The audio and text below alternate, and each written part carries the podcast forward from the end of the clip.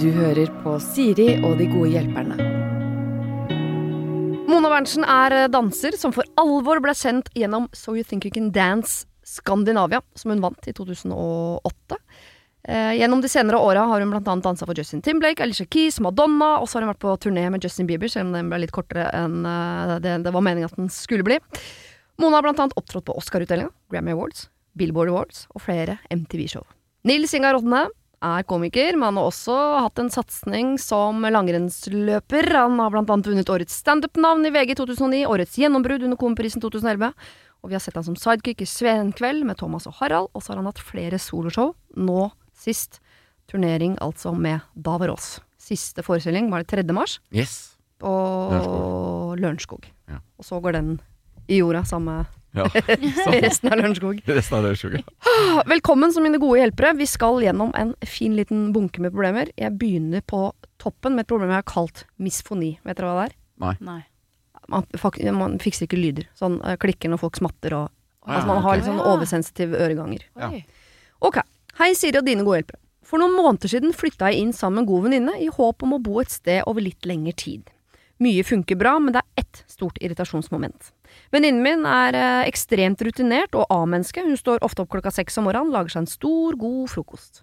Problemet er at rommet mitt er rett ved siden av kjøkkenet, noe som gjør at jeg hører alt, og jeg våkner. Ofte har jeg muligheten til å sove til åtte, men det blir umulig når jeg da hører alt. Hvert eneste trykk på komfyren, et snus, et nys, vannkoking osv. Jeg har tidligere sagt ifra om at det er veldig lytt inn på mitt rom, men det er liksom ikke så mye å gjøre med det. Hun må jo få lage seg frokost, og jeg vil gjerne sove litt lenger, og helst uten ubehagelige ørepropper. Er dette mulig å løse, eller må jeg rett og slett flytte nok en gang? Takk på forhånd for hjelpen, kall meg Tiril, 26 år. 26 år med misfoni, som jeg jo antar at hun eh, har, i bokollektiv. Mm. Det er jo øh, kjipt å bo i kollektiv, da, når du har misfoni. Ja. Så det er jo førstevurderingen jeg Mm. Kanskje litt strengt å si, men hvis, jeg, er- hvis Jo, men man hvis- er veldig sensitiv for lyder, så, så er det jo kanskje et bedre alternativ å bo alene.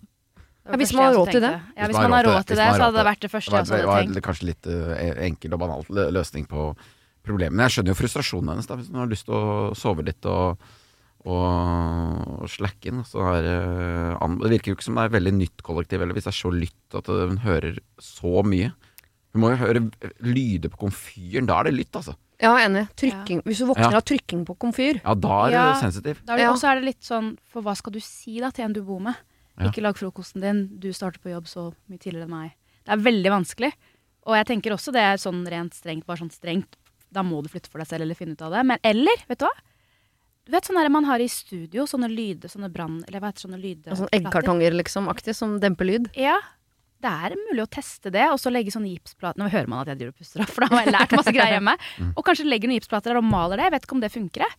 Nå prøver jeg bare å tenke sånn praktisk, hva kan man gjøre hvis man da skal bo i kollektiv og ikke lete etter en ny leilighet som er ja, Om det er hvor klart du kan man kan- et annet sted, liksom. Hvis du skal bruke denne leiligheten, da, og ikke et annet, og finne en annen leilighet hvor soverommet hennes, da, hun som Ja. er Kan det føles litt øh, ekstremt kanskje å innrede soverommet sitt som et lydstudio? ja, men jeg, Ja, men det fins veldig fine sånn Du får kjøpt blant annet noen sånn heksagonforma veggfliser i stoff i forskjellige farger som kan lime på veggen, som jo er lydisolerende. Ja. Eller kjøp et svært fint teppe, heng det på veggen. Mm. Tenk sånn, du kan lydisolere litt inn mot Ja. kjøkkenet. Ja. Eller kanskje bytte rom, for det høres ut som hun venninnen ikke har rom ved siden av kjøkkenet. ja, for hvis hun har et rom på andre siden av leiligheten, kanskje det er bedre? Ja, at de hadde Rett og bytta slett å bytte rom, Og Det er jo et spørsmål her hvor, øh, hvorvidt hun har øh, i det hele tatt sagt ifra eller ikke. Jo, det har hun. Det har hun. Mm. hun har sagt Men hva skal hun si? ikke, men hva skal hun si? Liksom? Ja. Jeg, det som er, jeg er jo hun øh, Jeg er jo hun som står opp først her. Ja. Hvis jeg hadde bodd i dette kollektivet. Uh, så jeg hadde jo satt pris på hvis noen hadde sagt fra. Jeg hadde jo vært stressa. Jeg har faktisk vært i situasjoner hvor jeg er liksom bråker litt mye. Da blir jeg stressa på det. Prøver å bråke lite og sånn. Ja. Men du må få lov Eh, å trykke på ovnen. Det, det må man jo få. Ja. Man må jo få åpne kjøleskapet, liksom. Ja. Eh, så, så hvis det er på det nivået, så ville jeg jo tatt opp en gang til. Kanskje, hvis det er et alternativ å bytte soverom, det er jo et kjempealternativ, da. Ja. Eh, det må det jo være, hvis eh, det ligger lenger unna det hennes. Ja, for jeg syns eh, Sorry, Tiril. eh, jeg er på ditt lag her. Jeg bare prøver å spille litt på det andre også. Hvis du har, er så sensitiv for lyd, bor vegg i vegg med kjøkkenet, og du vil ikke bruke ørepropper, da mener du at hvis jeg hadde vært romvenninnen din, så hadde jeg syntes at du var litt grann Eh, fordi det er alltid sånn, hvis det er et problem, så skal man alltid ta hensyn til den som syns det er vanskelig. Det er ikke sånn, men jeg tror ikke jeg er villig til Skal jeg slutte å lage frokost fordi du syns det er vanskelig med lyd? Jeg- vet ikke om, om det er et hensyn man skal ta i større grad enn jeg, jeg kan selvfølgelig være så stille jeg, eh, jeg kan. Mm. Men man kan ikke be hun slutte å lage frokost, for eksempel, på morgenen. Nei, og man kan Nei, ikke be henne stå opp seinere. Hun må få stå opp når hun vil, og lage frokost når hun vil. Ja. Det er på en måte forutsetningen her. Det Så dette er Tiril sitt problem, så det er. Ti- Tiril som gjør noe. Hun kan ikke be Ja. romvenninnen gjøre noe annet enn å bare være så stille som mulig. Nei, Mm. fordi at det, det virker ikke som uh, romvenninnen bråker uh, uanstendig mye på morgenen der. Nei, det har vært annerledes om hun skal sitte i lange møter høyt og stå rett utenfor døra hennes og snakker høyt, eller har kjempestor smoothiemaskin som hun skal drive og Ja, ikke sant? Da, Jo, men til og med det. Men da må hun også få lov til det, ikke sant? Ja, Egentlig hvis hun må må hun kunne smoothie lage, på morgenen. Hva gjør hun da? Men det er det her som blir av når du bor med noen. Ja. Det er det som er den vanskelige baksiden ja, når du bor er med jo- noen, er at du må eh, Samme som altså, Det er give and take Ja, i, det- i kollektiv. Det blir det. Ja. Men heller kanskje glede seg veldig til hun eventuelt skal bo for seg selv en gang, da. Det er noe å glede seg til. Jeg bare, uh, sånne ting Når den ene, sånn som uh, jeg og mannen min, for eksempel, den ene vil ha det mørkt på soverommet. For meg er det ikke så farlig. Mm. Uh, og da tenker jeg så skal vi alltid ta hensyn til deg som vil ha det mørkt. Mm. Eller skal vi innimellom bare ha det lyst fordi Men nå, nå blir det mørkt fordi det er ikke så farlig for meg, men la oss si jeg vil ha det lyst, da han vil ha det Mm. mørkt. Så virker det som det er noen sånne sannheter som er etablert sånn. Hvis en vil ha det mørkt og en vil ha det lyst, så er det den som vil ha det mørkt, som har rett. Mm. Hvis en syns noen bråker og den andre vil bråke, så er det den som ikke vil ha bråk, som har rett. Det er, sånn, det er akkurat som hele verden har blitt enige om hva som er riktig hvis det er Ja, to som har ja, hver sin ja. mening. Og jeg tenker sånn, Men er det sånn at det kollektivet skal være stille fordi vi er enige om at det er det som er riktig, det skal være stille? Mm. Men hvis hun har lyst til å stå klokka seks om morgenen og lage seg smoothie, så Må hun jo få lov til det. kanskje hun skal få lov til det? Jeg har vært så fornøyd med de der eh, lydplategreiene jeg har hjemme nå. Ja, du har jeg, Jeg har det. Ja. Hjemme til, til eh, leieboeren. Så jeg har tenkt sånn Da har vi det på to Vi har tatt sånn to dører. Tatt lydplanke på den. Og nei, sånn lyd Det er bare sånn isoporting-greie. Er sånn som veggene sånn her inne i ja, studio, sånne stoffvegger. Sånn. Ja. Nei, det er faktisk ikke stoff. Det er bare sånn sølv Du vet sånn som har litt sånn foam i seg. Ja. Som er plassert der. Jeg tenker sånn, du vet De tynne gipsplatene. Legg det oppå. Mal, så er du på en måte i hvert fall gjort noe for deg selv. da Ja. Uten at Jeg vet ikke om du skal si det eller ikke. Si sånn Du, jeg syns det er så forferdelig mye bråk du gjør når du trykker på den ovnen. Ja. Så nå lager jeg et lydstudio også på rommet. Eller om man bare skulle prøvd med et kult teppe, da. Ja. Se, gjør noe selv som gjør at det kanskje funker bedre for deg. Så Situasjonen er Så kjempevanskelig. Litt sånn subtilt Ja. og én ting. for så kommer du hjem med et kjempesvært teppe. Jeg har bestemt meg for å ha teppe på veggen, jeg nå. og, så, så har du lyst på kontrastvegg, så jeg skal lage disse platene. Platene, lydplate for den frokosten, den kaffen om morgenen, den. Nei, men og det vips, er har jeg kjøpt keyboard og to mikrofoner, og så Ja. ja. Men det er jo vanskelig. Jeg skjønner jo Tiril, stakkars. Det er jo irriterende. Men, men her er jeg enig, hun må jo da prøve å gjøre noe selv her. Ja. Eller så måtte de som et, et um, kollektivt par da prøve å finne en annen leilighet hvor hun kan ha soverom på andre siden av kjøkkenet. Hvis det er et alternativ å bytte soverom, foreslå det. Sikkert Mm. noe sånn nei, det er større, og hun betaler mer, og det har ikke jeg råd til. Et eller annet. Ja. Men hvis det går an, gjør det. Ja. Se om du kan lydisolere inne på ditt rom. Mm. Og så har du bedt henne liksom ta hensyn på morgenen, og det håper jeg hun gjør. Det syns jeg hun kan gjøre. Men hun kommer til å fortsette å lage frokost. Og hvis det bråker så mye at du ikke får sove, så er det først og fremst ditt problem, og da må du løse det inne på rommet ditt. Eller så må du faktisk Og kan Det er ikke umenneskelig å gå med ørepropper. Folk bruker det, og det går bra. Ja, det går bra. Ja, ja. Det går. Og gode, det finnes gode ørepropper som er sånne du bruker fast, som er i sånn egen sånn ting Ja, du kan få det formstøpt. Få, få formstøpt Ja, ja. og sånn. Ja, ja. Det er kjempe Jeg mener at brorparten av mine venner sier at sånn, de elsker de, de vil ikke leve livet sitt uten de øreproppene. Oh, ja. Ja, det tror jeg fort man kan venne seg til. Altså, jeg Ja, det bruker det ikke, men det tror jeg man kan venne seg til. Ja. ja. Prøv det i hvert fall, da. Ja. Det er jo diggere det enn å våkne klokka seks hver morgen når du kan Ja, sove til åtte. lyst. Ja, Absolutt. Ja. Eh, her har jeg fått inn eh, problem fra en mann. Det er ikke så veldig ofte vi gjør, så jeg, jeg kjenner at jeg gleder meg litt ekstra. Ja. Hei dere. Håper dere har en mann hos dere i dag. Ikke fordi dere andre ikke forstår, men bare for å ha en som kanskje forstår meg bedre. Jeg er da en mann. Helt vanlig mann. Sent i 30-åra med samboer og fast jobb. Livet er egentlig fint. Jeg har en snill kjæreste, fin leilighet, god jobb, venner og en hobby jeg elsker. Står det i eh, klammer. Matlaging, ølbrygging. Det er hans hobby. Jeg er verken noe beinrangel, noe muskelbunt eller noe tjukkas, men jeg burde sikkert ha trent. Og her kom problemet. Jeg vet at jeg burde trene, om ikke annet så for helsa. Kjæresten prøver å motivere meg, og jeg får klump i magen hver gang hun tar bagen over skulderen og drar for å trene. Men jeg har altså så lav selvtillit på det. Jeg føler at det forventes en viss styrke og en viss teknikk, og jeg har kanskje også en interesse for fysiske prøvelser av meg fordi jeg er mann. Men jeg er så svak! Jeg klarer ikke noe knebøy eller noe pushups osv. Men tanken på å gå inn på treningssenter gjør meg uvel. Jeg hadde ikke visst hva jeg skulle gjøre. Å ha PT? Nei takk. Jeg vil ikke ha en gjennomtrent 20-åring som skal se på meg forsøke noe som helst. Saltimer? Aldri i verden. Virker som om hele verden har blitt enige om å begynne å trene for lenge siden, men jeg fikk det bare ikke med meg, og nå er det for seint. Er det greit å bare droppe det? Alle må vel ikke trene? spør da Sigurd. Jeg vet ikke helt hva han spør her, om han eh, spør oss om å motivere han til å trene, eller bare si sånn Ikke tren du, Sigurd. Det går bra, det. Neste. Ja.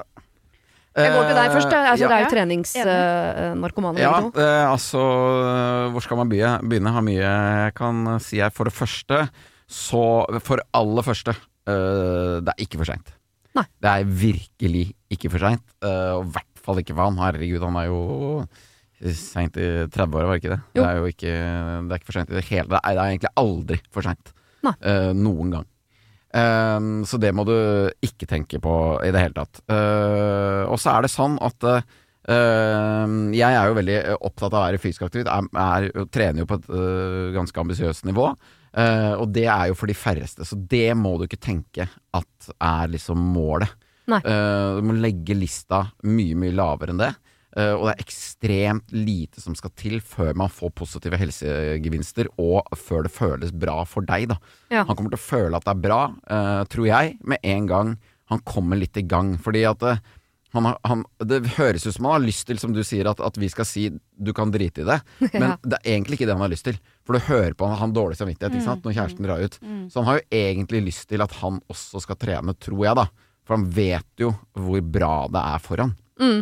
Eh, og det å gå på et uh, helsestudio eller treningssenter, det er kjempebra. Mange som uh, Men det er ikke for alle. trener- Det er ikke for alle. Nei. Og det er Det virker som noen gang Folk, uh, folk kommer jo til meg og, og spør sånn Hvor trener du?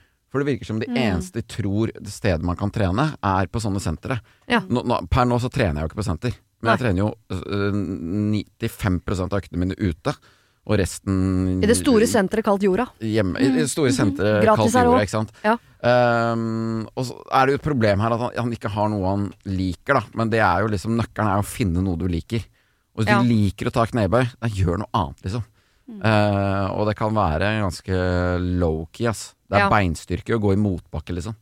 Ja, for jeg Eh, skjønner jo det frykten for sånn Jeg har aldri trent før, så havner jeg på, går jeg på et eller annet treningssenter og havner på tredemølle ved siden av en sånn muskelbunt som bare beiner i timevis. Da får man bare lyst til å gå hjem og spise potetgull. Ja, Ja, virkelig. ja, ja. ja. Jeg kjenner meg igjen Eh. i Sigurd. Jeg er sånn Jeg eh, trener drevet av skam, fordi jeg føler at eh, Ikke fordi jeg har lyst, men fordi jeg burde. Eh, eneste motivasjonen jeg har, er skamfølelsen på eh, at hvis jeg, ikke, hvis jeg ikke gjør det, så er det veldig veldig dumt. Får ikke noe glede av det, egentlig. Sånn i det hele tatt. Men har du ikke jeg fått noe glede? Du har jo begynt å trene ganske mye mer de siste åra enn du gjorde før. Ja da. Men Men blir, har du ikke fått noe glede av det? på de verste øktene på crossfiten nå, så hender det at jeg må høre på høy housemusikk i bilen hjem, for jeg er så gira. Men det er ikke sånn at jeg har lyst til å trene dagen etter. Nei, ok. Men jeg har lyst til jeg er, Kanskje jeg så sier at jeg skulle ønske jeg hadde god kondis, men jeg har ikke lyst til å jobbe for å få det. Mm. Jeg vil bare ta uh, den pilla eller den sprøyta som ikke fins, som bare gir meg det. Ja, ja, men alle, har, fix, ja. har jo kjent på det der. Ja. Alle har kjent på det der, men, øh, men noen blir nok mer glad i det enn andre. Og så er det jo, er det jo litt sånn at øh, det er jo alltid tiltak å komme i gang, da. Ja. Både liksom å komme i gang sånn generelt fra null økter til noen, og det er også tiltak å komme i gang med økta. Ja. Uh, og det trenger man Der skal man ikke føle på at og det er bare jeg som er svak som kjenner på det. Alle føler på det. Ja. Altså uh, idrettsutøvere, absolutt alle føler på det der. øh, Men begge dere to er jo heldige, for dere har jo funnet noe dere elsker å trene. Altså, du står på langrenn og sikkert alt rundt som man trenger for å bli god på langrenn, og du danser, Mona. Mona. Så for deg å gå på trening eller dansetrening er vel lystbetont i større grad enn å gå på sats og stå på tredemølle? Ja, altså alt Jeg lever jo av å trene, så det er veldig vanskelig fordi jeg også um, er nok veldig vrang hvis jeg ikke trener. Ja. Jeg blir et helt annet menneske om jeg trener og ikke, og det har vært siden jeg var liten.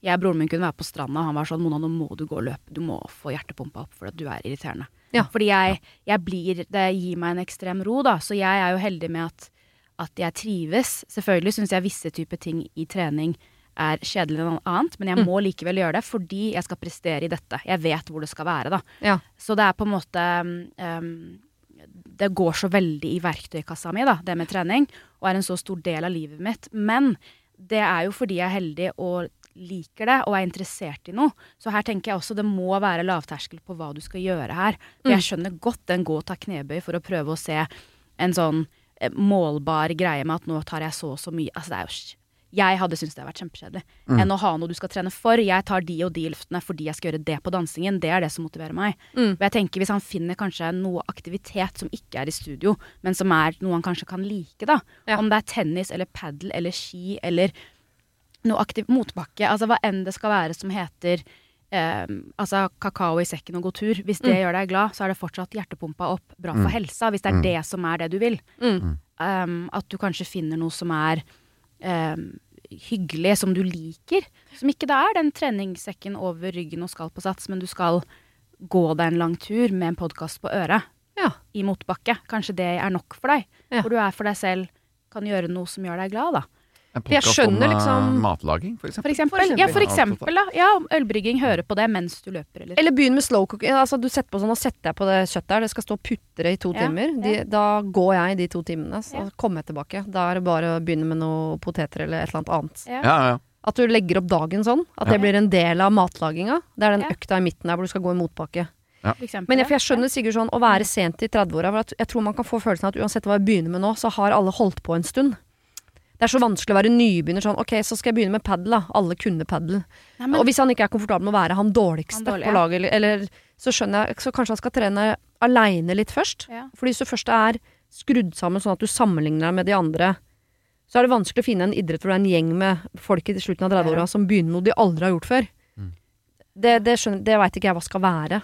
Så du Nei. er nødt til å på en måte tolerere at her er du ny, og de andre er sikkert bedre enn deg. Mm. Ja, men så, så er det jo litt typisk at det er sånne ting man tenker òg. At øh, man er veldig dårlig, og så er han nok Han sier at han er, han er svak, og han er nok veldig mye sterkere enn det han tror, da. Ja. Eh, for man er jo man liksom finner noe man liker, og, Ja, og så har man jo masse i seg, liksom. eh, Som man kan gi. Og dessuten så er det jo øh, desidert mest progresjon å hente uh, i starten. Ja, for han, Eh, han er kommer til å ellevill Ja, ja. starten. Fra uke én til uke fire. Han kommer til å være Altså, det er noe helt annet. Og så tenker jeg sånn, han må kanskje også bli For jeg tror også han er sterkere enn det han egentlig tror.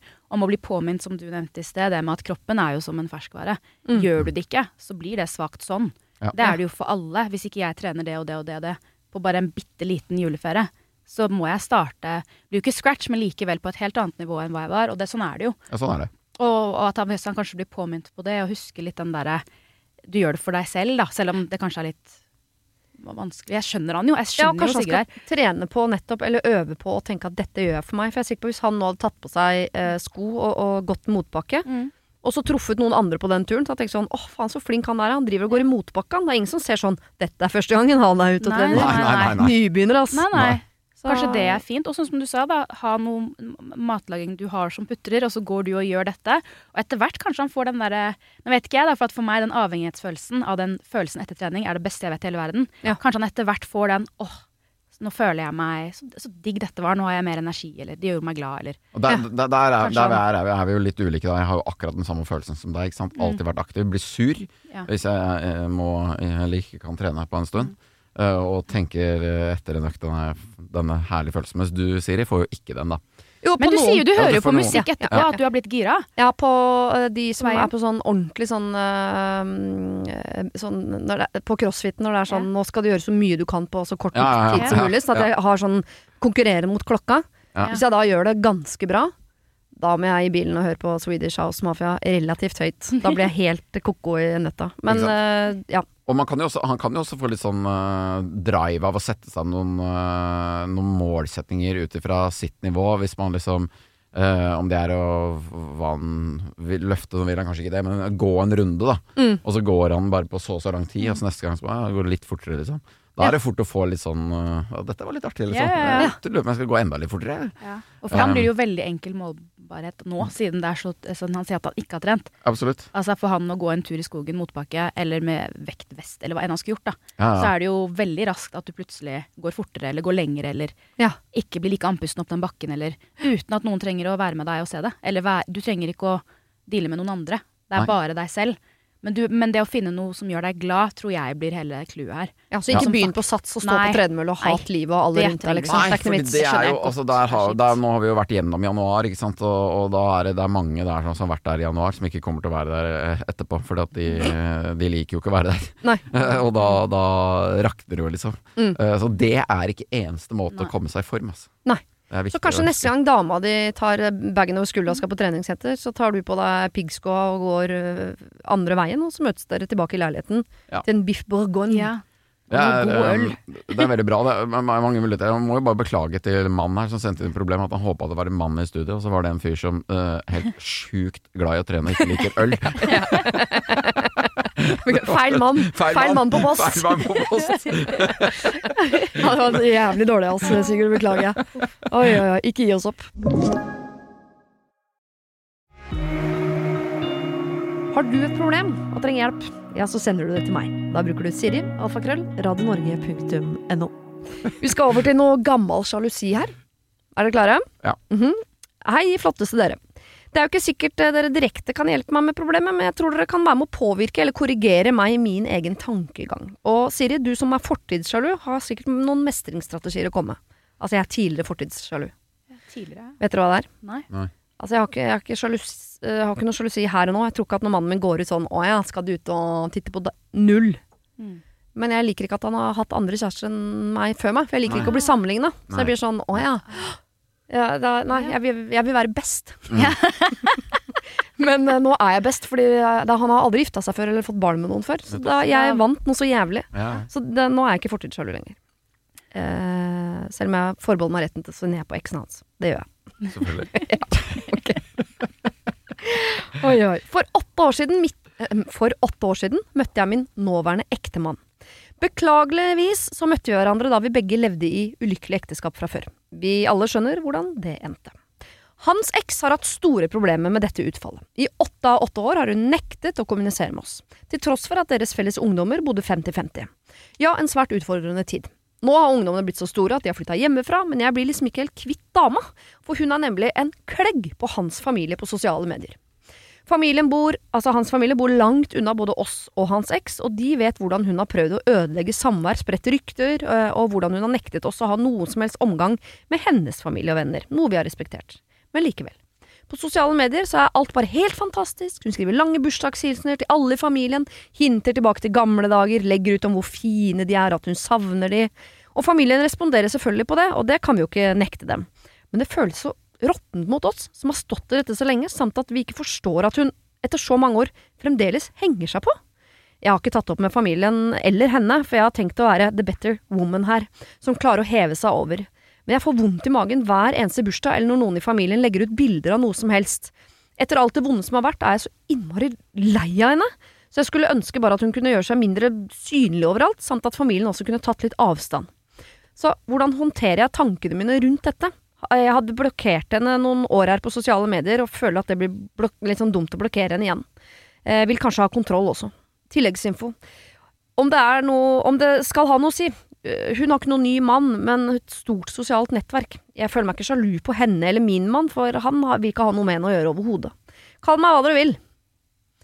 Altså Hun er på en måte ikke sjalu på Hun er ikke noe redd for eksen og mannen, eller sånn, men at hun fortsatt er så involvert i hans familie. Mm. Begynner hun å bli kraftig lei. av. Ganske lei av hun dama. Hun er lei av hun dama. Jeg er lei av dama. Ja, men så vil hun jo heve seg over det. Det der. Og det er, det er sånn eh, Det er sånn Ja, det er nå, nå føler jeg vi liksom dykka inn i mm, livets eh, ordentlige problemer her. Ja. Eh, Dette var the real deal. Eh, Ja. Men ehm, eh, det er litt sånn typisk det derre uh, Hun tenker sånn Dette skal jeg heve meg over, jeg skal, det skal jeg klare. Og så klarer man det ikke. Man klarer ikke, Åh, og det er så utrolig irriterende. Åh, hun må sitte så frustrert og lei seg. Jeg skjønner henne at hun er sånn Hva skal jeg gjøre med det her? Absolutt. Så er det det å finne svar, da. For jeg føler jo litt sånn Jeg hadde sikkert kanskje følt det samme selv. En eks føler du skal være en eks, så må du være en del av Eller må hun være en del av ditt liv. Så tenker du skal være fordi det er en grunn til det. Mm. Som da er barna. Som man da tenker her kan vi være jeg Nå har ikke jeg barn, så jeg kan ikke sette meg inn i det, men den, at man kan co-parente, og jeg må deale med deg fordi Mm. du er mammaen til disse barna. Mm. Men at du må deale med dem fordi du er i sosialmediefiden min til min svigerfamilie. Mm. Mm. Du er fortsatt i livet mitt. Mm. Åh, jeg merker at det også er sånn, å nei. Men familien til denne mannen er jo dessverre på en måte familien hennes òg, for det er jo, De er jo onkelen til hennes barn, besteforeldrene til hennes barn. Det Så selv om hun familie. er liksom ute i periferien nå, så har jeg syns jo ikke den Jeg syns ikke hun ikke skal få lov til å si gratulerer med dagen til tanta til ungene sine, på en måte, selv om ikke det er hennes blod. Nei, Nei, hun, nei. hun må, for, hun må for, kunne forholde seg til dem, mm. og de til henne, på en måte. Mm. For der, der er det jo en evig relasjon. relasjon. Og den, vil- den vil jo ikke forsvinne Nei. eh, når det er barn inne i bildet, da. Eh, og så på den annen side så er det som du sier, Mona, at jeg, jeg skjønner jo Jeg skjønner henne veldig godt at det er irriterende. Og, og nå har de kanskje litt sånn eh, Ok, det har blitt dem to. De har liksom landa i det. Mm. Det er kjempefint. Barna er store. Mm. Så har man liksom vært gjennom en sånn ganske vanskelig periode der, og så skal man på en måte bare leve, da. Mm. Og så er det en sånn derre Veps i rommet. veps i rommet. ja, ja, ja. Ja. Og en annen del av meg har lyst til å bare si som et hva, hvis du har mannen din, du er glad i han, du har den svigerfamilien som er din familie, du er happy der, se en annen vei. Bare la det der være. Det er noen meldinger på Facebook. En del av meg vil også si det, for kanskje jeg hadde lyst til å føle det. Men, jeg, men hun føler jo ikke det. Hun blir Nei. irritert av det. Mm. For en del av meg har lyst til å si, vet du hva, hun sa kall hun hva hun vil. Ja. Eh, Jessica, da. Jessica. Og bare Jeg noterer. være litt sånn Vet du hva, du har det liv. Du er jo glad i ditt liv. Du har det jo fint. Ja. Bare det sosiale mediegreiene. Bare Og ikke at det- skal være en konkurranse, men du Nei. vant. Men du har, du har det livet du vil ha. Ja. Du er med Ja, ja. mannen du elsker, og som elsker deg. Og det er din svigerfamilie som du forhåpentligvis har et veldig godt forhold til. Det er på en måte det det er, og så får hun sende de meldingene, som hun også må få lov til. Ja. Og så kan du bare Men jeg skjønner jo at det er vanskeligere enn det. Det er sikkert det hun vil føle på. Hun har jo sikkert veldig lyst til å tenke det. Ja, det ja, det, er, det er jo det som er liksom så irriterende, at Ja. man ofte ikke klarer det fullt Ja, ut. da. Eh, Så man har liksom så lyst til å bare Ok, nå slipper jeg bare det, ja. og så bare fokuserer jeg her, liksom. Mm. Ja. Men så kommer den vepsen, da. Bare, Den vepsen, ja, som er sånn Og da kom den overhyggelige meldingen på den bursdagen som er Ja, sånn Hvorfor ja. må du være mimre Ja, tilbake kan- til da vi gikk den turen? Hvorfor må du snakke om gamle dager? Gamle Ja. dager er ikke det er Åh, husker den som vi er var på. Bornholm? Åh. Ja. Ja. Og fordi eh, man kan jo mistenke Nå kjenner jo ikke vi det skal jo ikke, ja, ja, men hun er jo anonym, så drit i det. Eh, men kan jo mistenke henne, hun, altså hun eksen her, Mm. for å gjøre dette med litt overlegg. Og Mm. Være litt eh, superirriterende. Ja. Nettopp for å terge hun Mm. eh, Jessica, da. Ja, ja, ja. Og hun må få lov til å mislike deg, Jessica, for du har på en måte tatt mannen hennes. Så hvis hun vil være pottesur for bestandig, Mm. så får hun bare være det, da. Ikke sant? Ja. Fordi de vet jo det altså Jessica og mannen, at Ja. den inngangen her var jo litt ugrei for de to andre partnerne. Mm. Em, men det er gamle dager, så de må få lov til å gå videre fra det og, og, og ikke tenke noe på det. Men de, du kan ikke kontrollere hva de andre syns om, om det, da. Mm. Men jeg tenker på det hun skriver Jeg hadde tenkt å være the better woman. Så man tenker sånn, ja det er bra, og det er en styrke å heve seg over og sånn. Men jeg har snudd litt på det de siste månedene bare. På den der at, det, at det skal være en styrke å heve seg over. Styrken her må jo være at hun tør å være sårbar og si sånn 'dette plager meg faktisk', jeg blir lei meg. Eh, uten at hun kan Og så må hun sette den grensen i livet sitt for sånn 'dette er ikke greit for meg'. Eh, jeg, jeg vil ikke at vi skal ha det sånn, istedenfor å droppe grenser, droppe følelser og bare gå inn i sånn 'jeg skal heve meg over'. Hun, klar, hun klarer jo ikke det. jeg er helt enig, Siri. Og jeg syns det er så mange ganger vi i livet tenker sånn dette, man, man, man maler et bilde av hvordan man vil reagere. Mm. Man vil være raus og kul. Alt, man har så mange ting man har lyst til å være. Ja. Så går man inn i seg selv og er sånn Men det er egentlig ikke det jeg føler og tenker. Hvorfor må det være malen?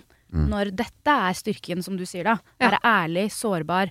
eh, Men kan det ikke være det? Fordi hun, hun kan sette grenser for seg, Mm. og for så vidt familien sin. Kan ikke sette grenser for denne eksdama. Hun kan ikke være følsom overfor henne, syns jeg. Mm. Men overfor sin familie, altså mannen sin familie, som nå er deres familie, Mm. så mener jeg at der må det være lov å ta en prat om hva man føler rundt alle de meldingene og mimringene om gamle dager og sånn. Og så får jo hun eksen får jo prøve å gjøre hva hun vil med det. Mm. Men jeg tror jeg ville kunne tørre å si til min svigermor sånn Hver gang du og ekskona til mannen min har en sånn Wow, husker du Bornholm? Det var tider, det. Som jeg sier at det, det, det gjør vondt. Mm. Da, altså, jeg blir ordentlig lei meg av det. Mm. For det kan godt hende at svigermor også tenker sånn Ah, det greiene der er litt kleint, ass. Ja, hun må like, Ja. likevel svare. For Ja, men jeg må svare til mine barnebarn. Ja. Og hvis de Ja, blir enige om at sånn, vet du hva, jeg hater det, så jeg er dritkleint når hun sender de meldingen, jeg bare svarer og tenker sånn, åh, et år til neste gang, så blir det sikkert lettere for Jessica sånn, å ja, hun hater det hun òg. Ja. Da kan hun se de meldingene på Facebook og tenke sånn, Idiotkjerringa, altså hun vet ikke at alle hater det, ok, greit, haha, lol, gleder meg til neste år. Men jeg skjønner at det er vanskelig å ta på, ass. Uh, for du er veldig usikker på hva svigermor tenker der, på en måte. Ja. Uh, men det ville jo vært kjempedeilig å fått liksom uh, clear the air på akkurat det, da. Ja. Så hun er liksom trygg på hva, hva de mener. For det, det er jo det som er det vanskelige her. Mm. Hva er det hun Hva skal hun faktisk gjøre? Mm. Konkret, da. Uh, en ting er alt det hun går med opp i hodet sitt. Og jeg er helt enig med deg at du må tørre å kjenne på den sårbarheten. Liksom. Dette Mm. er litt sårt, og jeg irriterer meg over det. Mm. Uh, men jeg vet ikke hva som er liksom løsningen på det. Men det, er jo, det ville vært bra hvis, hvis det hadde blitt tona ned på en eller annen måte i sosiale Mm. medier. Ja. Om det er å ta det opp med dem. Eller Eller- bare vite at uh, Jeg tror hvis hun hadde fått høre fra svigermor sånn Mm.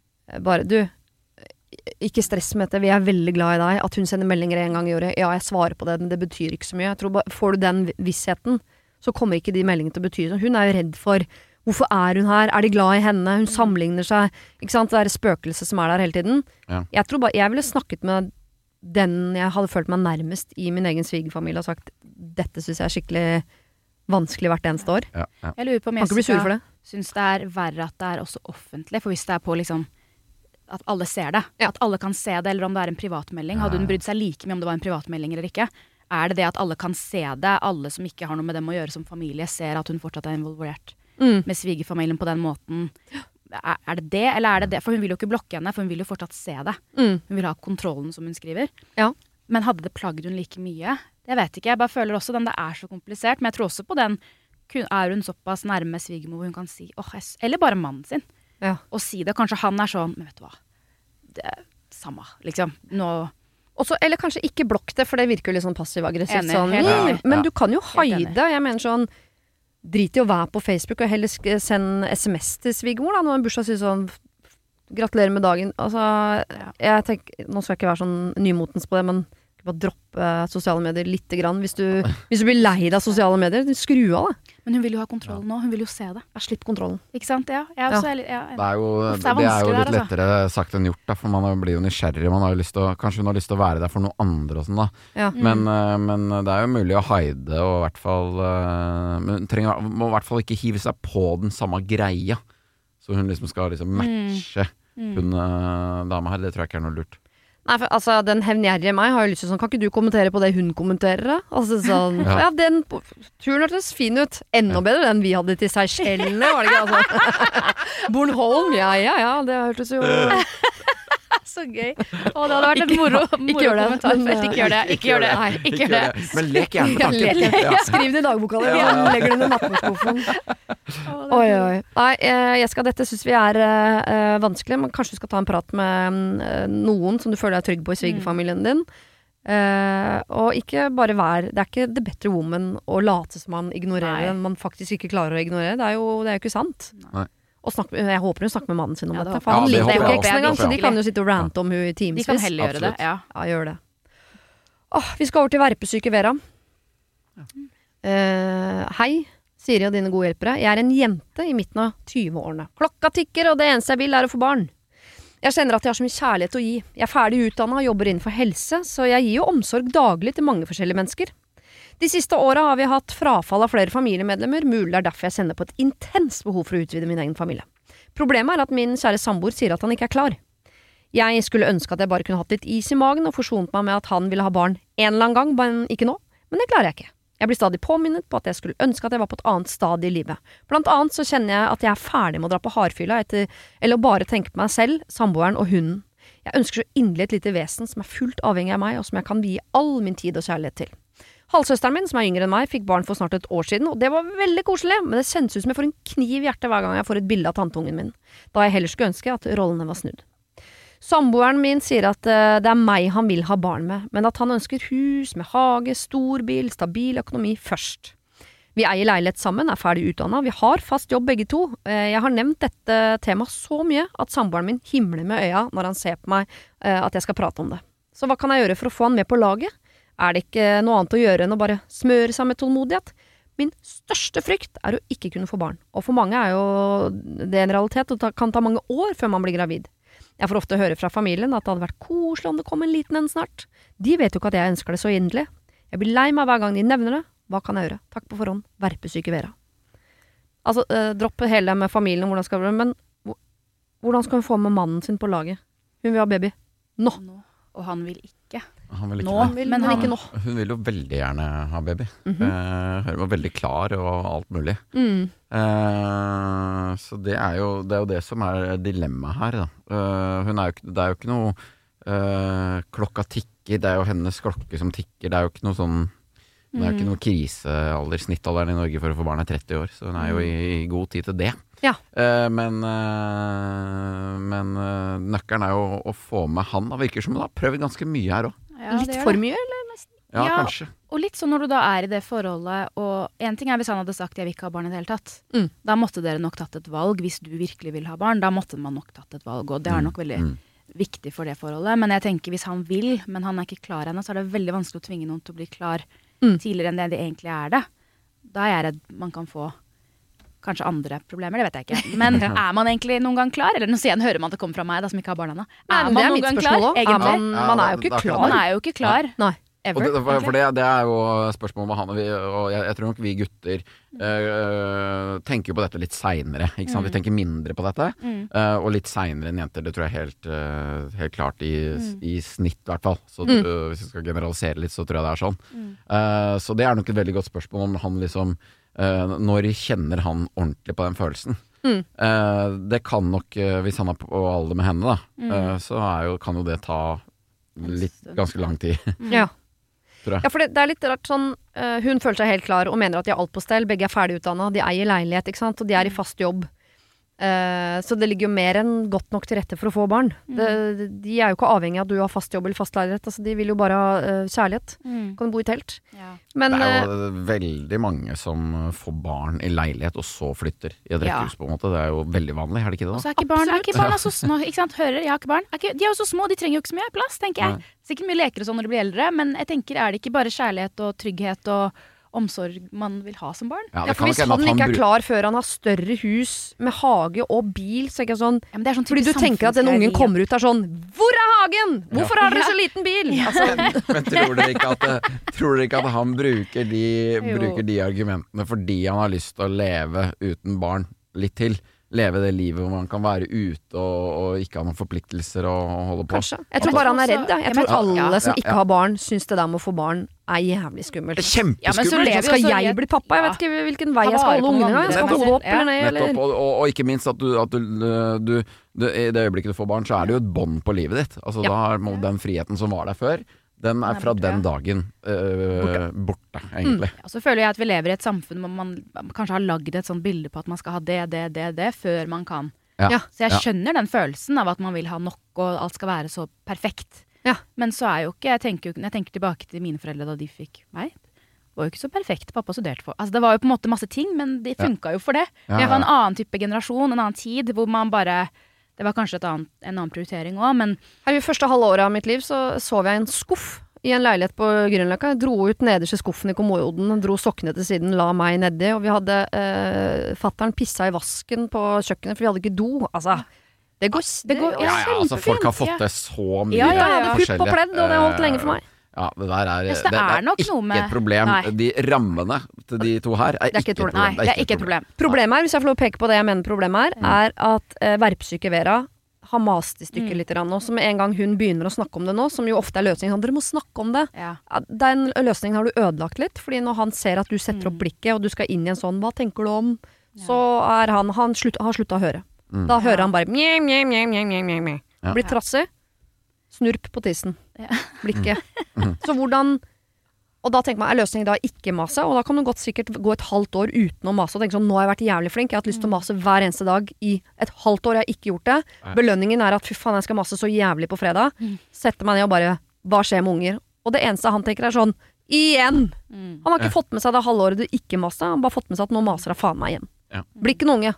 Nei. Så hva, hva er løsningen da? Eller kanskje han liksom øh, øh, Det kan jo hende at han også Hvis det stopper, da, hvis, hvis hun har mast jevnlig, på en måte, Mm. stopper det masse, at han uh, plutselig tenker Hva skjedde med masinga med barn, egentlig? Mm. Det, Ja. han håper ikke at hun liksom Eller Jeg tror hun må få fortgang på det på en eller annen måte. Jeg er frista Ja. til å si sånn Stikk og bli gravid med en annen. Se hva han sier da. Nei da. Men, Nei. men er det lov Og nå spør jeg. For her har jeg- litt eh, rar, eh, rart kompass. Men er det lov å, å være litt mer sånn aggressiv i masinga? Si sånn Gutten min Ikke si gutten min, det er hersketeknikk. Ikke si gutten min. Du! Hei, du! Jeg vet at du syns det er for tidlig å få barn. Jeg syns ikke det, så der er vi helt tydelig uenige. Eh, jeg har slutta på prevensjon. Mm. Så hvis du ikke vil ha barn nå, så, så, får du da får du finne på noe. Jeg har lyst på barn, Ja, det er, og jeg har slutta på prevensjon, så da kan det bli barn. Jeg bare nevner det. Ja. Vil du ha et glass rødvin? jo, men noen Å, ganger når man har kjørt seg fast i et spor, så tenker jeg sånn Skal vi bare dytte lite grann på den ræva som har satt seg fast, eller? Uh, Uten å dytte han inn i noe han ikke er klar for, men han blir jo ikke klar. Du blir jo ikke klar før to år uti det greiene der. Ja, nei, så må hun jo sette liksom uh, Men det også er jo knallhardt, da. Å sette hardt mot at jeg, jeg, vil ha, jeg vil ha barn med deg, så hvis ikke du vil ha barn med meg, så må du si fra nå. Mm. Uh, og da har han tydeligvis svart ja, jeg vil ha barn med deg. Ja, men, da, men det er ikke godt nok. Jeg vil ha barn Nå. Eh, eh, eller jeg vil vite. Ja, jeg trenger å forholde meg til noe tid. Ja, i forhold Et eller til annet sånn. tid, liksom. Og hvis hun sitter og føler på veldig sånn klokka tikker, jeg vet ikke, og det vet jo ikke vi kvinner, da må vi gå og sjekke det. Mm. Hvordan det står til med eggene. og- har vi ja. har vi ikke, hvor mange er det igjen? Altså alt det der må vi gå og sjekke. Ja. Og det er vi som går på prevensjon. Det er alltid disse tingene. Hvor, når skal du stoppe hvis du skal prøve å bli gravid? Hvor lang tid det tar det før det stabiliserer seg? Det er alle disse greiene. Mm. Hvor hun, hvis hun går og bekymrer seg for dette fordi hun er i midten av 20-årene, som er helt reelt at hun føler på, så må hun da kunne si det til han og si, vet du hva, jeg, du har ikke en klokke, det har jeg, det er reelt her. Og jeg vil gjerne få, kunne i vårt forhold vite cirka. Trenger ikke å være stress, jeg vil ikke at det skal føles som mas, men hvis du vil ha barn med meg, så har jeg et behov for at vi har noe tidsperspektiv, så jeg kan forholde meg til det. Ja, Ja. det, og det, sånt, det er, liksom. men det er helt ærlig sak å ta opp. eh, Ja. For det er, helt, det, er, det er helt fint i et forhold å ha et perspektiv på, Mm. uh, på hva man skal gjøre Mm. de neste årene. Eller, altså, Og det, det gjelder jo at det rekker ut sånn når er det, liksom. Mm. At man liksom lager Ja. en slags sånn tentativ plan. Da. Ja. Eh, Ofte får man jo fortgang i Du ser jo sånn folk som ikke trodde de hadde råd til leilighet. Idet de får barn, så plutselig har man kjøpt hus. Jeg Ja, skjønner ja, ikke, Det er et eller annet som skjer. ja, ja. Ja. Eh, og det tror jeg ikke skjer før man på en måte må. Jeg har Mm. fått barn to ganger, og begge ganger så har jeg sånn Vi har ikke kjøpt vogn eller seng, ingenting. Vært veldig sånn Det, vi tar, det, det, Mm. det tar vi når det kommer. Og idet vannet går, da er mannen min Da har han hengt opp babykrybbe, og da er det plutselig pysj i, i skuffen, og Det tar et kvarter, det, så er alt gjort. Alt, ja, ja, ja. Men man, man, man er jo ikke stressa før man må være stressa. Så tenker jeg at Ja, ja, han her kanskje han må stresses litt. Og vi snakket om det der misfoni-greiene i stad, de som Mm. bodde i leilighet. En som ikke vil ha bråk, og den andre bråker. Mm. Hvem har krav på hva? Hun må få lov å Mm. bråke, og hun må få lov til å synes det er bråkete. Hun vil ha barn, han vil ikke ha barn. Mm. Hvorfor er det han som har rett som ikke vil ha barn? Hvis hun vil ha barn, så må hun få bestemme over kroppen sin. Sånn, nå går ikke jeg på prevensjon lenger, for jeg vil ha barn. Ja. Mm. Ja. Hva skal du gjøre med det? Ja, det, det, det, da må da han må han ja. ta et veldig eh, konkret valg der. Ja, da kan det hende at han, han i hvert fall får litt fortgang i prosessen på sånn ok, ja. Ja. Hvis han Han sier at han vil ha barn, og Erik akkurat nå. Mm. Noen må stresse han litt. Ja, så Ja. tror jeg de også må snakke litt om den der med at må man ha den og den bilen og det og det huset og det. Der må de på en måte, tror jeg også legge bort, på en måte, når de da har det så fint som de har det. Da. De er et par som trives med hverandres selskap. Ja. De vil være et par. Bare det er jo første step. Ja, man, kan ikke, man, man kan ikke vente på uh, å få barn til man har den rette bilen. Det Nei. er ikke et argument. Nei, nei. Det går ikke Nei. sånn Ja, men vi har ikke plassen. eh, barnestol. Nei, det har man ikke før man har fått barn. Man har ni Nei. måneder til å egentlig venne seg til tanken. Ikke sant? Nå sier jo jeg dette, for at jeg har nok vært i andre enden som kvinne da, og tenkt mer sånn Jeg er nok mer den som er sånn av karrieren, da, og, Ja. og at jeg lever av kroppen sånn så lenge som mulig. Når går klokken hva, Det er meg man skal vente på. Mm. Så er nok jeg mer sånn Å gud, jeg har ni måneder på å venne meg til tanken på at livet skal snus opp ned. Ja. Jeg har egentlig tenkt den graviditeten kommer til å være et herk for meg, for at jeg ikke kommer til å kjenne kroppen min. Jeg kommer til å være helt Å, det er så koselig å være gravid. Og man skjønner ikke at man skal ha barn når man er gravid heller. Man gjør ikke det? Når ungen kommer ut, tenker sånn Hei sann, der var en unge, ja. Ja, gjør man det? Prr, ja. Og så lærer man et lite grann hver ja. dag. Og så plutselig har man blitt eh, mamma, men ikke før sånn et halvt år uti der. Så er sånn ok. Så er Ja, man skjønner. mor. Man lærer vel han- litt ja. hver dag i ti år òg, gjør man ikke? Jo, jo, jo. Jo, jeg tenker egentlig hele veien, gjør man ikke det? Jo. Ja. Men det har i er hvert fall han, da. Han som ikke må deale med graviditeten. Eller han har jo de ni månedene på å venne seg til at han skal bli far, da. Ja. Og at livet snus. Tenk deg så koselig når Vera er Ja, gravid. Vera kommer til å være så glad. Altså, hun blir enda mer avhengig av deg. Og kanskje hun blir Ja, nei. Ja, hun kommer til å Herregud, må åpne opp pølseboa her. Ja, ja, det er jo kjempekoselig å komme i gang. Ja. Nå er han ung og fresh og Jeg sitter her, 40, og har ikke begynt ennå. Så Nei. Jeg skulle gjerne begynt litt før, ass. jeg er Og ikke, jeg er ikke ute av huset på en stund. Men hun sier sånn 'jeg er lei av å dra på hardfylla' og sånn. Det er lov å slutte med det før du blir Det, det Ja. kan du faktisk slutte med. Selv om ikke Det du er gravid. Bare så du vet det. Har du et problem og trenger hjelp, ja, så sender du det til meg. Da bruker du Siri, alfakrøll, radionorge.no. Vi skal ta et siste uh, problem her, fra en som heter Emma. Ja, så Jeg klarer ikke å lage en overskrift på dette, for jeg, dette har ikke vært borte før. Hei, jeg er en dame på 32 som vil si at jeg er over middels utadvendt, utrovert, blid, kontaktsøkende. Ja, dere skjønner typen. Jeg kommer med andre ord lett i kontakt med andre, og opplever ofte at folk tenker at vi har veldig god kjemi. Og det er jo bra. Eh, Så hender det dessverre at noen blir skuffa, for de opplever jo dette som noe unikt mellom oss, men jeg opplever jo dette hele tiden. Så noen har ofte tenkt at vi er litt nærmere enn det jeg har tenkt, da. Nå høres jeg sikkert overfladisk og bortskjemt ut, men jeg tror ikke jeg er det, altså. Men jeg kan innrømme at jeg tidvis antagelig sender litt feil signaler. Uansett, det er ikke problemet. Problemet er at folk som lever av å selge ting via bekjente, ofte tenker at jeg er den perfekte kandidat. De tenker nok litt at jeg er naiv, men mest at jeg kunne vært en god selger, og at jeg har et stort nettverk. Alt dette er sant. Men jeg hater det! Jeg er überskeptisk til alt fra aloe vera til Mary Kay, Tupperware og slankekaffe. Det skjer altså så ofte at folk kommer bort, og jeg ser det på ganglaget at de skal selge meg noe. Det er alltid pakka inn i noe som er veldig bra for meg, at de har tenkt spesielt på meg, og jeg kjenner at det koker inni meg. Jeg har lyst til å, øh, til å skrive 'gå bort med dritten din', men så langt så har jeg prøvd å bare være høflig avvisende. Dessverre ser jeg at høflig avvisende funker litt dårlig. De er jo drilla for å fortsette å selge til døra fysisk lukker seg. Så hvordan skal jeg fort og tydelig komme meg ut av disse grusomme situasjonene uten å virke brysk og uhøflig? Kall meg Emma. Men vent, Emma, nå, nå er det fremmede som skal selge en ting?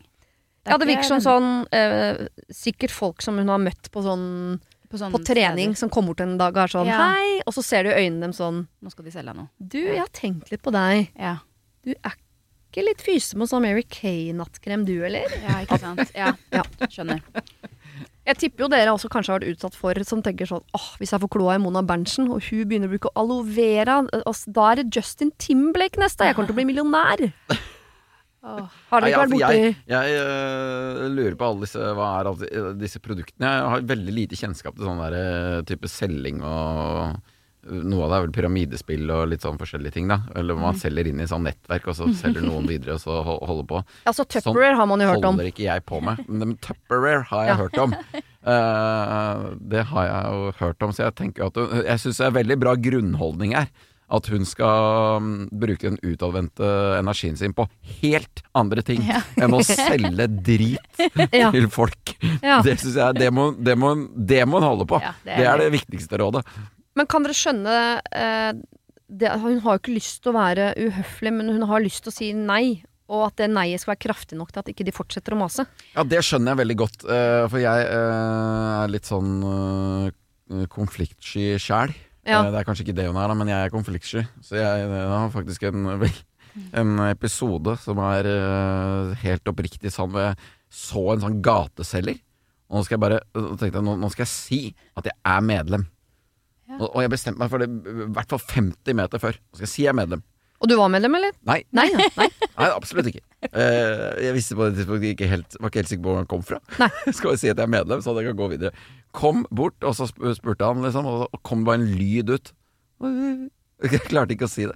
Jeg, jeg klarte ikke å ljuge, da. Nei. Klarte ikke å ljuge, så jeg måtte bare Og så ble det bare rart, og så måtte jeg gå. Så det, det Så sa du jeg er ikke. medlem, så sa han sånn du er en medlem av Norsk Gallup. Er det det du sier? Jeg har bare noen spørsmål til det. Nei, så det, det, det funka veldig, veldig dårlig. Eh, det er ikke en taktikk. Jeg har Vært i ca. samme situasjon en gang, for vi har en kafé der hvor jeg bor, eh, hvor han som driver kafeen har bestemt seg for at der skal jeg ha standup. Og jeg prøver høflig å si at jeg har ikke gjort standup på 15 år, jeg driver ikke med standup, og hvis jeg skal gjøre det, så er det ikke her der hvor jeg bor, sånn at alle vennene mine skal komme og se på at nå skal mor være morsom. Så det er, og det prøver jeg å si på litt sånn morsom måte, avvisende måte, og nå er til slutt bare Jeg går ikke på den kafeen, for jeg orker ikke at han kommer til sånn Ja? Når blir det standup med deg her da, Kristiansen? Ja. Så jeg ikke sånn Å, du må gå bort. Ja.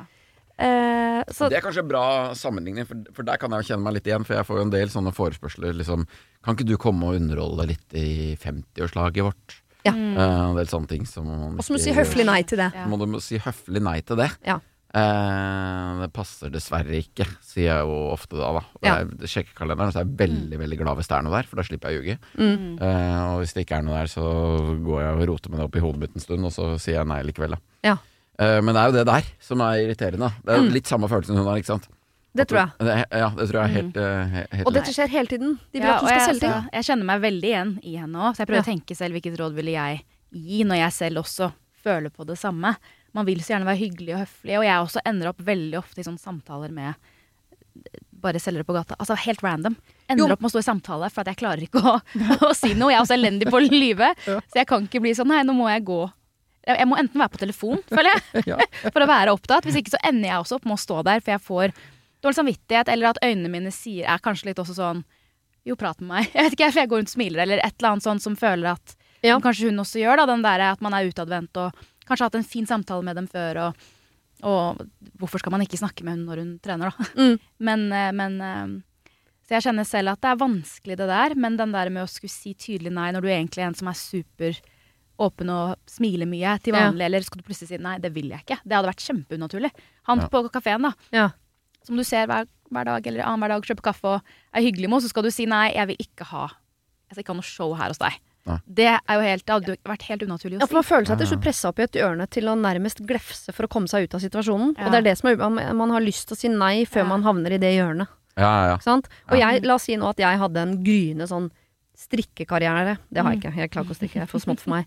Og så kommer Mona Berntsen på besøk. og Tenker sånn Du, kunne ikke du bare brukt den genseren her? Og så tar du på den neste gang du er i LA, ikke sant. Fordi da også ser jeg for meg sånn Jeg ser for meg livet mitt bare rigga rundt deg. Mm. At det hadde vært perfekt for meg og min strikkebusiness at ikke du og, og Justin og gjengen Mm. ø, ø, begynte å bruke disse strikkagenserne, og så ble jeg millionær. Mm. I mitt hode sa det det er en perfekt rigg, og så kommer jeg til deg, og så må du høflig si sånn nei. Jo da, men ikke sant, så sånne ting har skjedd. Det har det jo. Hvor jeg har stått da i situasjoner hvor jeg er sånn, men Nei.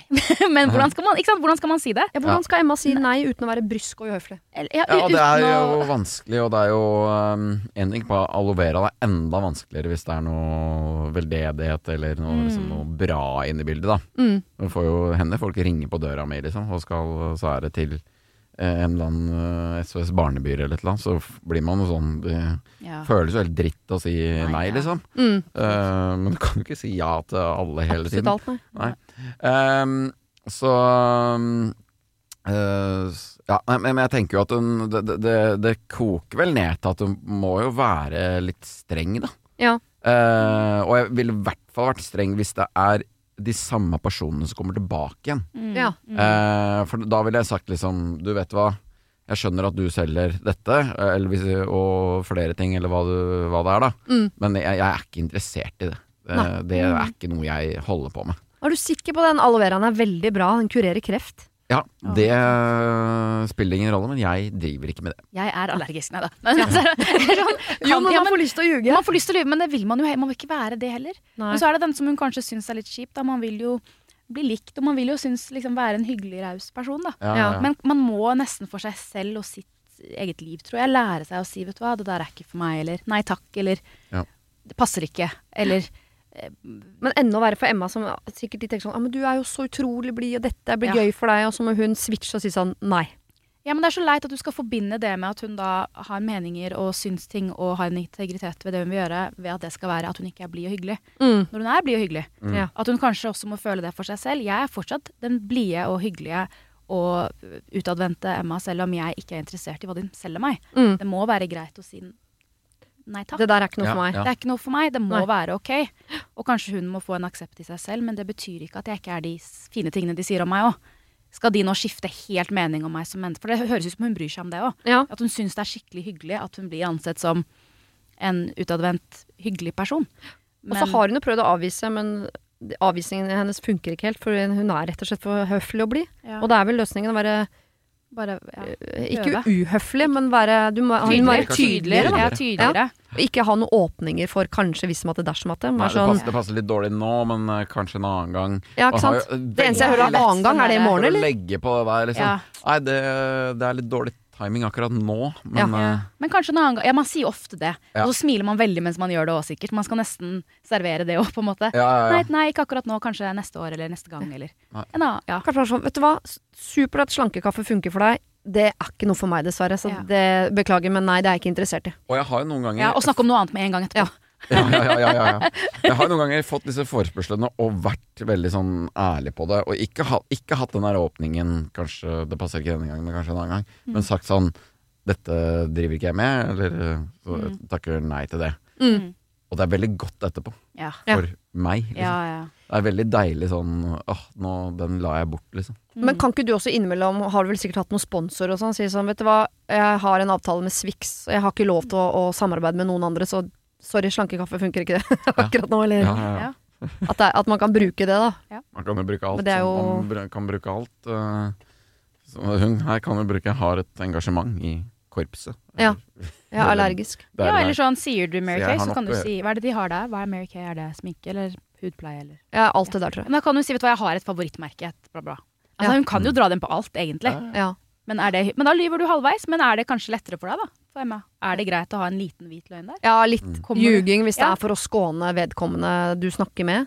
Ja, Så og du føler deg bedre. Ja. Ja. Det er ikke for meg, det der. Jeg er allergisk. Jeg har prøvd det før, faktisk. Ja, ikke sant? Prøv det før, faktisk. Prøvd det før er jo Mm, jeg har prøvd det før, jeg. har prøvd det. Det var ikke for meg. fra topp meg. til tå. Ikke sant? Lykke til videre. Lykke til videre. Ja.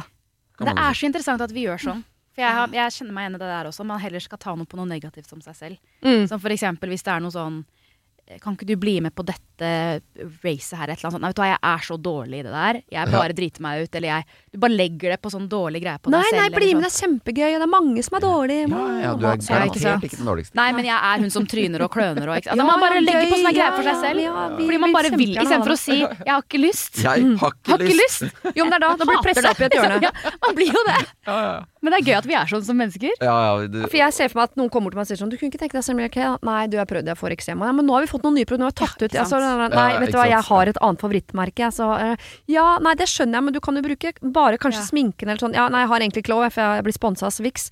Ja, nei, men du trenger ikke å bli sponsa her. her. Oh. Så føler du sånn Jeg Gud. hater de jævla drittproduktene dine! Jeg har lyst til å si et sånn. Jeg får jo lyst til å si det. Jeg vil ikke. Ja. Gå bort før jeg uh, Ja. går til fysisk angrep på deg. Oh, vi må lære oss litt mer sånn, altså. Ja, det er eh, noen ganger det er lov å si nei, altså. Ja. Emma, du må også tydeligere nei. Og gjør det med en gang, så du ikke rekker å bli så sinna at du uh, gjør det du har lyst til, og gå bort med dritten din, som Ja. jeg har lyst til å si. uh, så bare vær veldig tydelig på nei. Ikke noe åpning sånn kanskje, ikke akkurat nå. Bare vær helt sånn Bare øv på en setning som inneholder ordet nei, og et ganske stort punktum. Og du er like grei og hyggelig selv om du sier nei. Det går bra. Det går veldig, veldig bra. Kjempebra. Ah, Da fikk vi rydda litt i skuffene, da. Det er ikke dine, Ikke mine, Mona, nei, de men jeg liker eh, det får er du ta seinere. Tusen takk for at dere var mine gode hjelpere. Det var det.